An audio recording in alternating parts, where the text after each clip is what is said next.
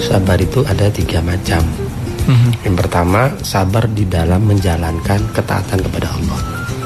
Yang kedua, sabar untuk meninggalkan apa yang diharamkan oleh Allah. Mhm. Yang ketiga, sabar dalam menerima kodok atau ketentuan dari Allah. Hmm. Yang di sini di luar eh, kekuasaan kita. Hmm. Kalau kita misalkan mendapatkan kegagalan seperti yang hamba Allah yang pertama tadi bertanya, apakah kita harus menurunkan target kita? Kalau ternyata yang kita impikan itu adalah membawa dampak yang besar bagi akhirat kita, Mhm. itu bisa terus kita perjuangkan. Ya.